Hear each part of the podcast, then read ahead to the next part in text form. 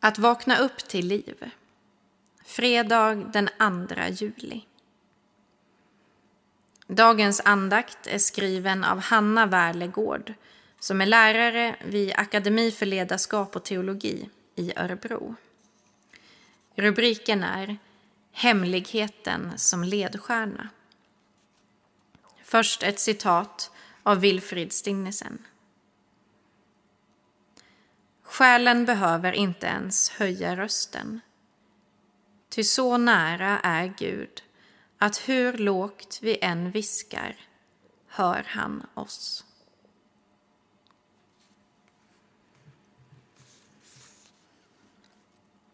Flera av mina kollegor är fågelskådare.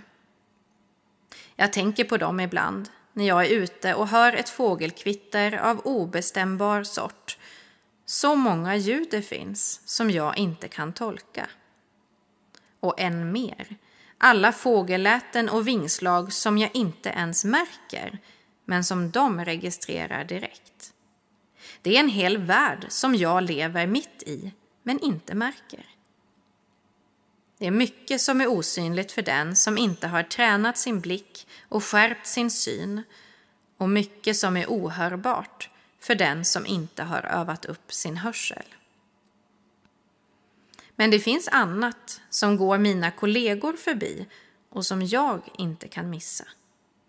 Som det vackra hagtornsträdet utanför mitt kontorsfönster med sina mjukvita blommor om våren och djupt röda bär om hösten. De har övat upp sina sinnen för att se och höra fåglarna. Mitt intresse är trädgårdsväxterna. Det kommer alltid att finnas skikt i tillvaron som är fördolda och osynliga.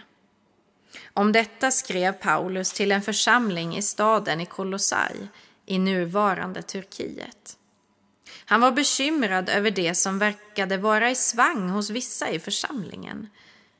Kanske var de påverkade av någon av antikens alla mysteriereligioner.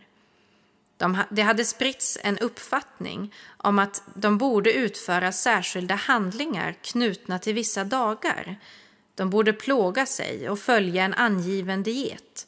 Allt för att nå en högre kunskap, för att erövra hemligheten.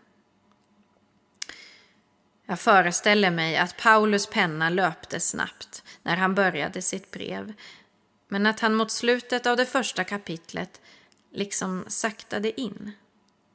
För här är evangeliets fantastiska hemlighet.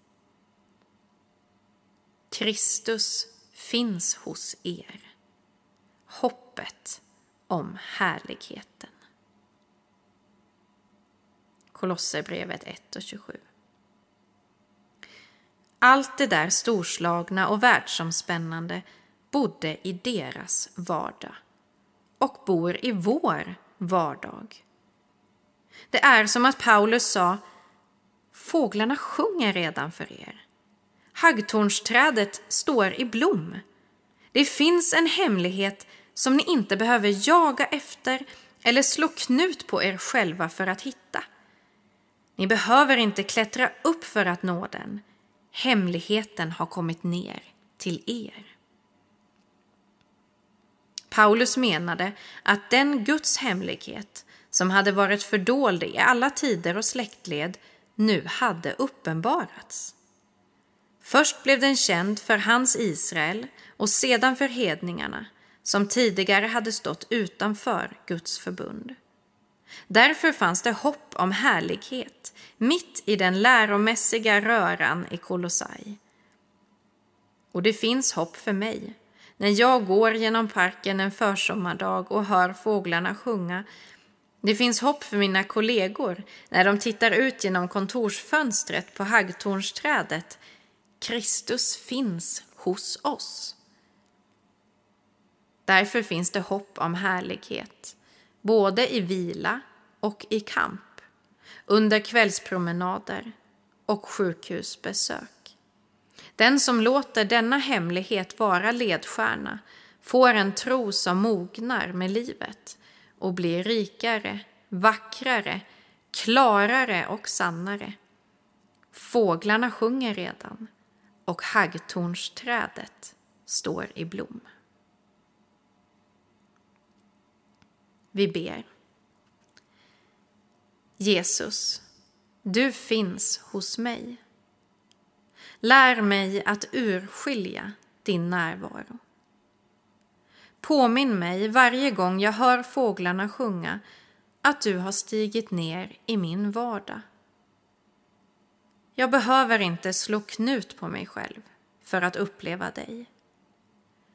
Låt denna hemlighet, som varit fördold men som nu är uppenbarad, genomlysa mitt liv.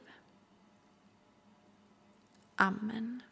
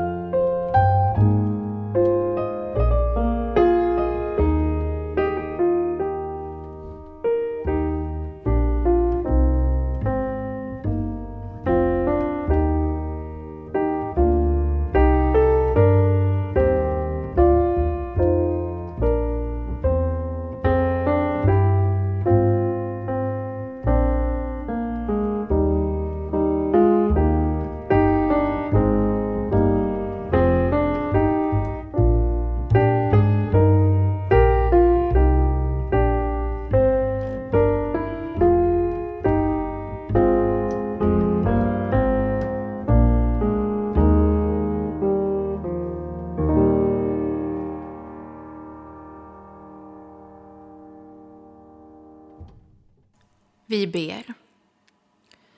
Vår Fader, du som är i himmelen. Låt ditt namn bli helgat. Låt ditt rike komma. Låt din vilja ske, på jorden så som i himmelen. Ge oss idag det bröd vi behöver och förlåt oss våra skulder, liksom vi har förlåtit dem som står i skuld till oss och utsätt oss inte för prövning, utan rädda oss från det onda. Ditt är riket, din är makten och äran i evighet. Amen. Ta emot Guds välsignelse. Herren välsigne dig och bevare dig. Herren låter sitt ansikte lysa över dig och vara dig nådig. Herren vände sitt ansikte till dig och giver dig frid. I Faderns, i Sonens och i den helige Andens namn.